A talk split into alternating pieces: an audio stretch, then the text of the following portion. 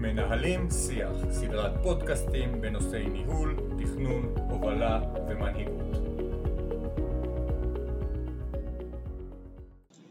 שלום, ברוכים הבאים לסדרת הפודקאסטים שלנו מנהלים שיח. שלום בועז. שלום לימור. במפגשים הקודמים שוחחנו על אסטרטגיות ארגוניות, כמו תכנון, ניהול ידע, ניהול מומחים. אסטרטגיה מרכזית נוספת המאפשרת צמיחה והתפתחות ארגונית נוגעת לעידוד חדשנות ויצירתיות בארגונים.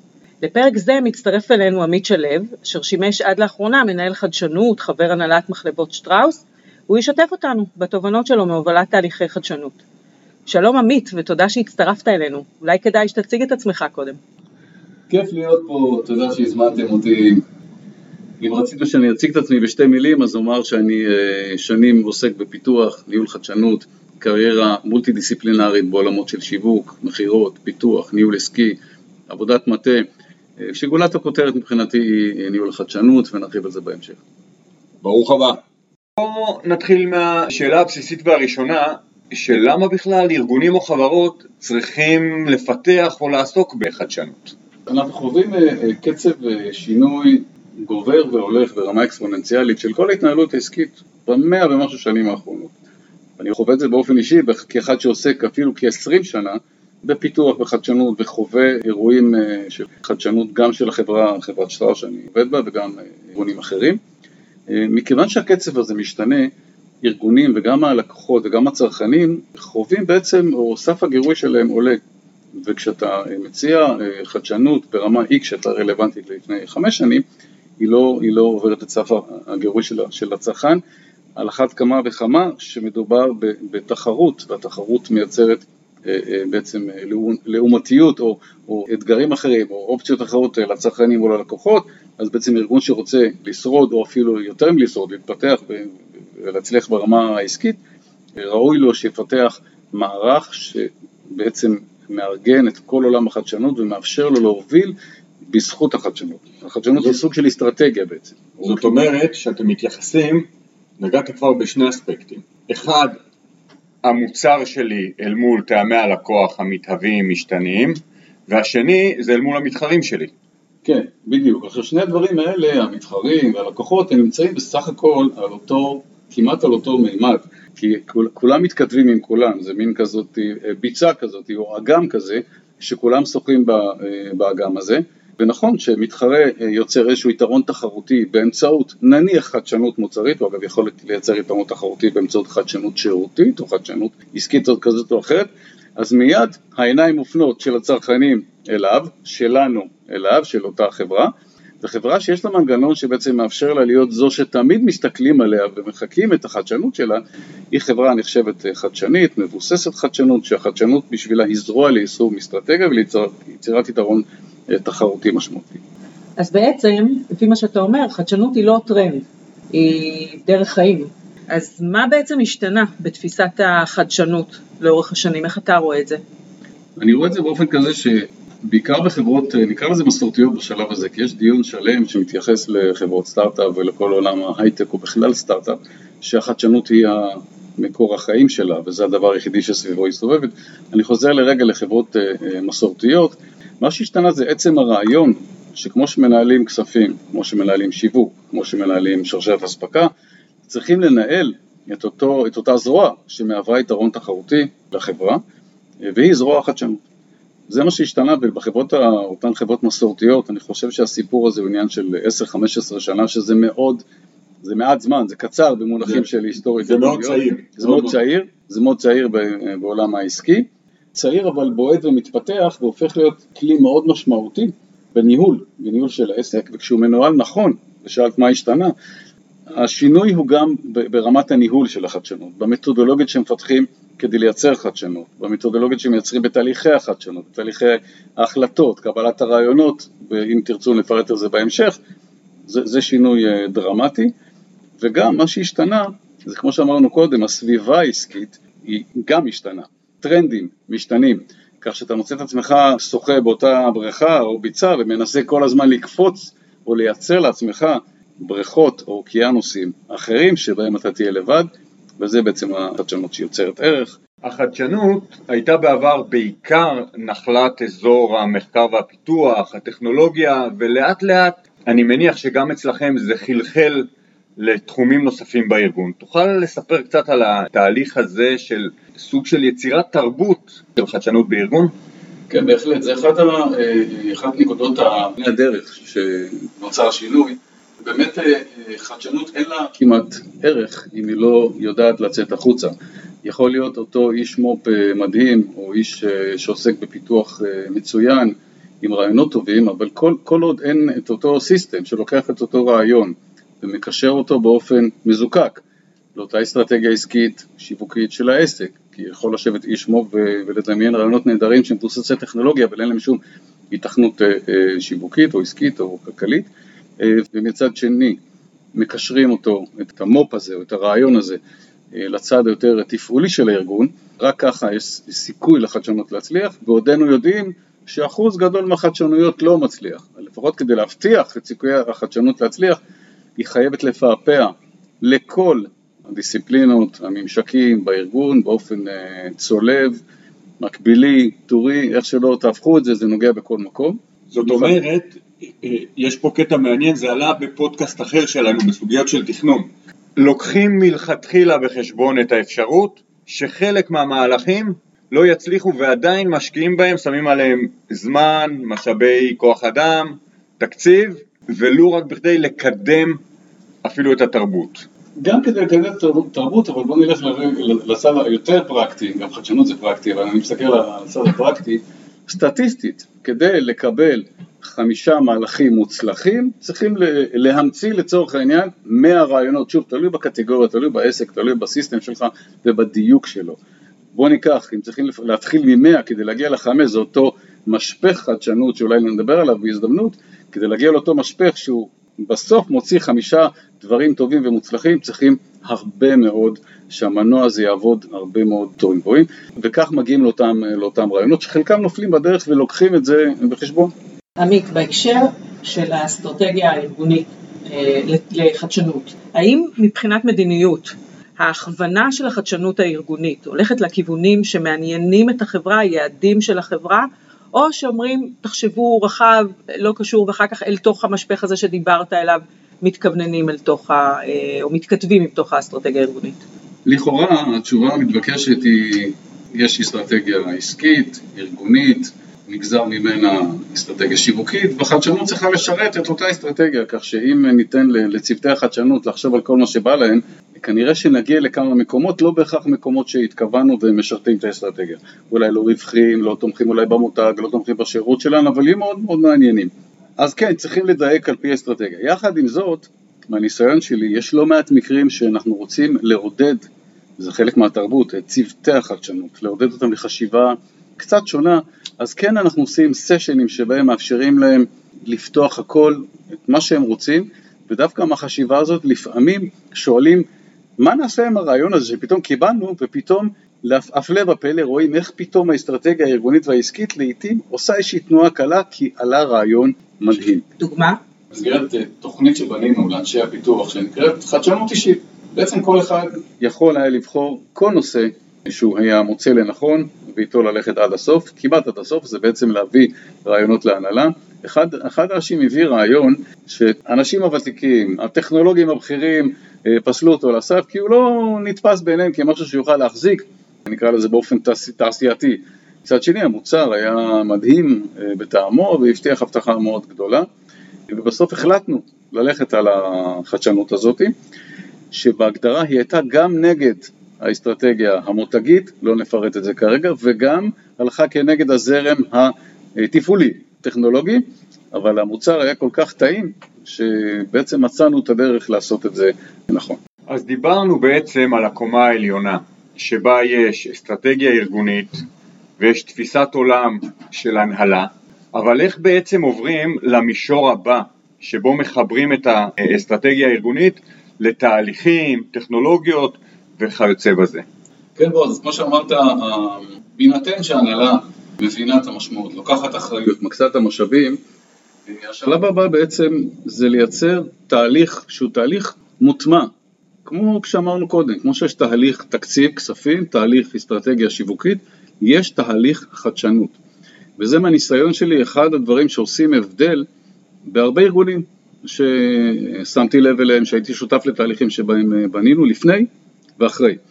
תהליך החדשנות הוא צריך שיהיה לו אה, קודם כל אונר, אה, ורצוי שישב במקום גבוה במבנה ההיררכי של החברה, שזה גם מבטא את האחריות שההנהלה לוקחת. יש בעל תפקיד מוגדר? כן. שזה תפקידו? כן, לגמרי, לגמרי. אני למשל הוגדרתי כמנהל החדשנות של חטיבת המחלבות בשטראוס, ויש לזה חשיבות רבה. דיברנו קודם על המולטי-דיסציפלינריות, על הפעפוע של החדשנות לכלל הארגון, לא יכול לעשות את זה אדם שיושב במרתפי ה-R&D או במרומי ה-R&D.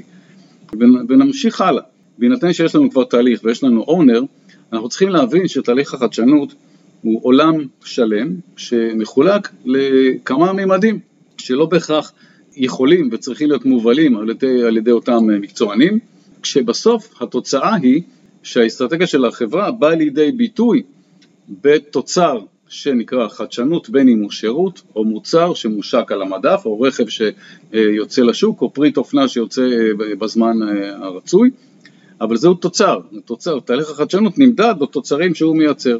זה בעצם כמו מנוע שהוא בעצם מניע את, את הגלגלים של, של העסק. אמרנו קודם מימדים, בתהליך הזה בגדול אפשר לחלק אותו לשני מימדים עיקריים. יש שלבי ה-ideation, השלבים שבו מעלים את הרעיונות, דיברנו קודם, האם מבוססים אסטרטגיה, לא מבוססים אסטרטגיה, מעלים את הרעיונות, בתוך התהליך הזה יש גם תהליך שנקרא תהליך סינון, מיון וניהול הפורטפוליו, עדיין זה יושב בתוך הצד של הרעיונות וההלימה שלהם לאסטרטגיה העסקית, כמו לנהל תיק השקעות, פחות או יותר, זה מימד אחד. המימד השני, כשאנחנו רואים מולנו, מול עינינו את אותו פורטפוליו, מחליטים לצאת לדרך עם אותן חדשנויות, עם אותם רעיונות ולהוציא אותם לפועל. וזה השלב הביצוע. יש רעיונות שהם, או פרויקטים שהם מורכבים מאוד, ויש להם אפילו זרעים של disruptive, רעיונות שבעצם בונים מחדש את הקטגוריות, שהם מורכבים מאוד ורבי סיכון, ולוקחים אולי יותר זמן ויותר השקעות, ויש רעיונות שהם אה, אולי קלים יותר לביצוע, מהירים יותר, אבל גם הם חלק מאותו פורטפוליו. הפורטפוליו מביא לידי ביטוי בעצם סוג של מראה של אסטרטגיה עסקית. חברת סטארט-אפ למשל, היא רק דיסרפטיב, כמעט כל הפרויקטים שהיא עושה. חברה מסורתית, יש בה שילוב של הדברים. בואו רגע נדבר בפרקטיקה של החיים. אני אשמח אם תשתף אותנו בכמה טכניקות וכלים להטמעת חדשנות אה, או מימוש חדשנות בארגון. אוקיי, okay, אז כמו שאמרנו קודם, יש לנו שני ממדים שכמובן אפשר לחלק אותם ל- לרסיסים, אבל יש את מימד הרעיון, ה-ideation, השלב המאוד מקדמי, והשלב הביצועי. כל אחד מהממדים האלה יש, לו, אה, יש בו אה, כלים שמפעילים טכניקות שונות. שלב ה-ideation מתחיל משלב של בעצם סיורי מוחות בש, בשיטות שונות, אם זה אקאטונים שכולנו מכירים וכבר כמעט מפסיק להיות Buzzword, מחכים לבאזוורד החדש, חוכמת ההמונים, גם פה התנסינו אה, ויש כמה למידות אה, מהדבר הזה. חדשנות אישית, כמו שסיפרתי לכם קודם, שאותו אה, איש חדשנות או איש פיתוח עושה מה שהוא רוצה ואז בודקים את ההתאמה של זה לאסטרטגיה. אלה דברים שאפשר לייחס אותם לשלב של אותו ideation. וכמו שאמרתי קודם, הפורטפוליו גם הוא כלי, כלי טכני, אבל כלי אסטרטגי ממדרגה ראשונה, שגם עליו יש כל מיני כלים וכל מיני שיטות שדרכם אנחנו אה, מייצרים פריזמות שהם בעצם בוחנים את, אותה, את אותם רעיונות שעלינו. אז גם פה מדובר על כלים וטכניקות. אני, אני הייתי רוצה לשאול שאלה בעניין הזה. האם ישנם מקרים שבהם אתה מבין שיש רעיון חדשני, אבל אתה לא יכול לייצר אותו in-house, ואתה מייצר איזשהו שיתוף פעולה עם גורם אחר מחוץ לחברה? כן, לחלוטין. אחד הדברים שראינו אה, זה באמת, אה, זה יש בו גם קטע תרבותי. אחד, שחברה מבינה ומסכימה שלא תמיד יש לה את כל היכולות והיא צריכה להוציא אותם החוצה. וזה עולם שלם, עוד מימד של בעיקר מימד ביצועי, כי את הרעיון אתה כבר רוצה, פחות עולה כסף לחשוב על אותו רעיון, כדי לבצע אותו לפעמים ניגשים למקומות אה, אחרים שיודעים לעשות את זה והם רגילים לעשות את זה, ואתה מכניס את הערכים המוספים שלך כדי להוציא לפועל את החדשנות, אה, יש כלי בסיסי שהוא כלי הגייטים, כלי מוכר מעולם ניהול הפרויקטים, שבעצם מעבירים את אותו רעיון, את השלבים, משלב ההיתכנות, האם יש היתכנות לבצע את זה, האם בתוך הבית, האם מחוץ לבית, השלב הבא הוא שלב התכנון, שבו נכנסים לתכנון מפורט, והשלב האחרון הוא שלב, או לפני האחרון הוא שלב הביצוע, שבו אנחנו בעצם מבצעים. אחרי שלב הביצוע ניגשים בעצם לשלב שבו אנחנו אה, יוצאים החוצה, בין אם זה מוצר בהשקה, בין אם זה שירות שאנחנו רוצים להשיק, אם הוא פנימי או, או חיצוני. שלב מאוד מאוד חשוב שבו אנחנו בעצם פוגשים את כל הנחות היסוד שלנו, בעצם פוגשים את המשתמש, את הצרכן, את הלקוח, את הקונה, ווטאבר אנחנו מחליטים. ושלב מאוד חשוב, השלב, אה, השלב הבא שבו אנחנו עושים סוג של אה, איזון חוזר, אנחנו בוחנים האם אנחנו עמדנו ביעדים שלנו, לא עמדנו ביעדים שלנו, שזה עולם שלם של הגדרת יעדים לחדשנות, ניתוח שלהם. הייתי רוצה לדבר על כמה היבטים שלפחות אני פגשתי מניסיוני, שהם בעצם בולמים אה, חדשנות ואולי אפילו הורגים אה, חדשנות. דוגמת היעדר מחויבות הנהלה ואפילו פוליטיקה פנימית, הגדרת צוותים גדולים מדי שיובילו תהליכי אה, חדשנות וגם היעדר פתיחות מחשבתית, שזה קשור גם לתרבות, אל מול תהליכים של חדשנות ושינויי כיוון. לפעמים אנחנו פשוט בוחרים באנשים הלא נכונים. אנשים שהם לא מונעים ב-state of mind של יזמות, של התלהבות, של איזשהו סוג של אה, רצון להביא חדשנות, זה לא בוער בתוכם, והדבר הזה פחות מתאים לאזור הזה של חדשנות. לעתים אפילו יש מצב שבו מוכתב לחץ מצד ההנהלה לייצר חדשנות בשם התייעלות, כלומר לייצר חדשנות רק לטובת התייעלות וטובת חיסכון, והדבר הזה יוצר התנגדות לתהליך עצמו בגלל הזיהוי של המניעים של, אה, של עולם איפה אתה פוגש או פגשת את זה? ראשית אני, אני אגיד שאני מסכים עם כל מה שאמרתם, זה דברים שהם ג'נריים, uh, אפשר להגיד לכל הארגונים, תלוי בתרבות הארגונית.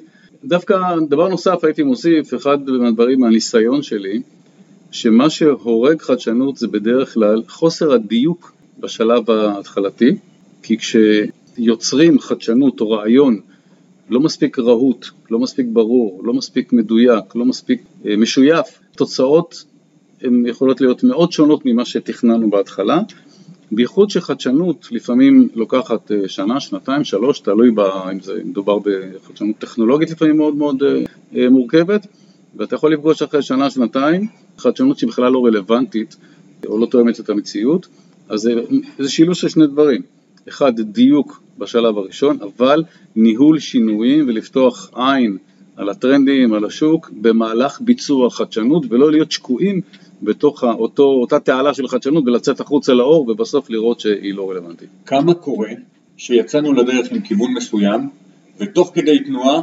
עשינו סוג של פיבוט ושינינו את, אה, חישבנו מסלול מחדש. בסביבות 30% מהפרויקטים, מהניסיון שלי, אותם פרויקטים ארוכי טווח, כי בפרויקטים קצרים אה, לא מוצאים את הבעיה הזאתי.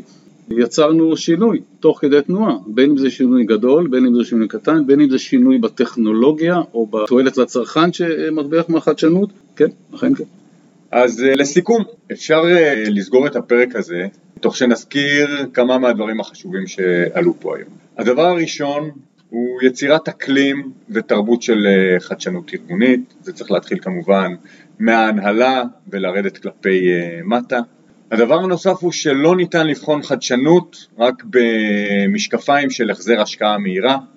חדשנות היא תהליך אבולוציוני, זה לוקח זמן, זה מצריך משאבים, אבל זה בוודאי כדאי ופורץ דרך בטווח הארוך. נדרשים קיצור קווים ונדרשת תקשורת פתוחה, כך שיעלו רעיונות ותיווצר פתיחות בכל הרמות 360 מעלות בארגון. תבחרו את האנשים הנכונים, היזמים, היצירתיים, שמביאים את הרוח, וגם כאלה שהם ביצועיסטים, שיגרמו לצמיג לפגוש את הכביש. תמנו מוביל חדשנות ארגוני, שיוביל את מהלכי החדשנות כחלק בלתי נפרד מהתפקיד שלו, ותבנו פורטפוליו חדשנות שנמצא בהלימה לאסטרטגיה העסקית והארגונית שלכם. תודה גדולה עמית על שהצטרפת אלינו, נהנינו מאוד.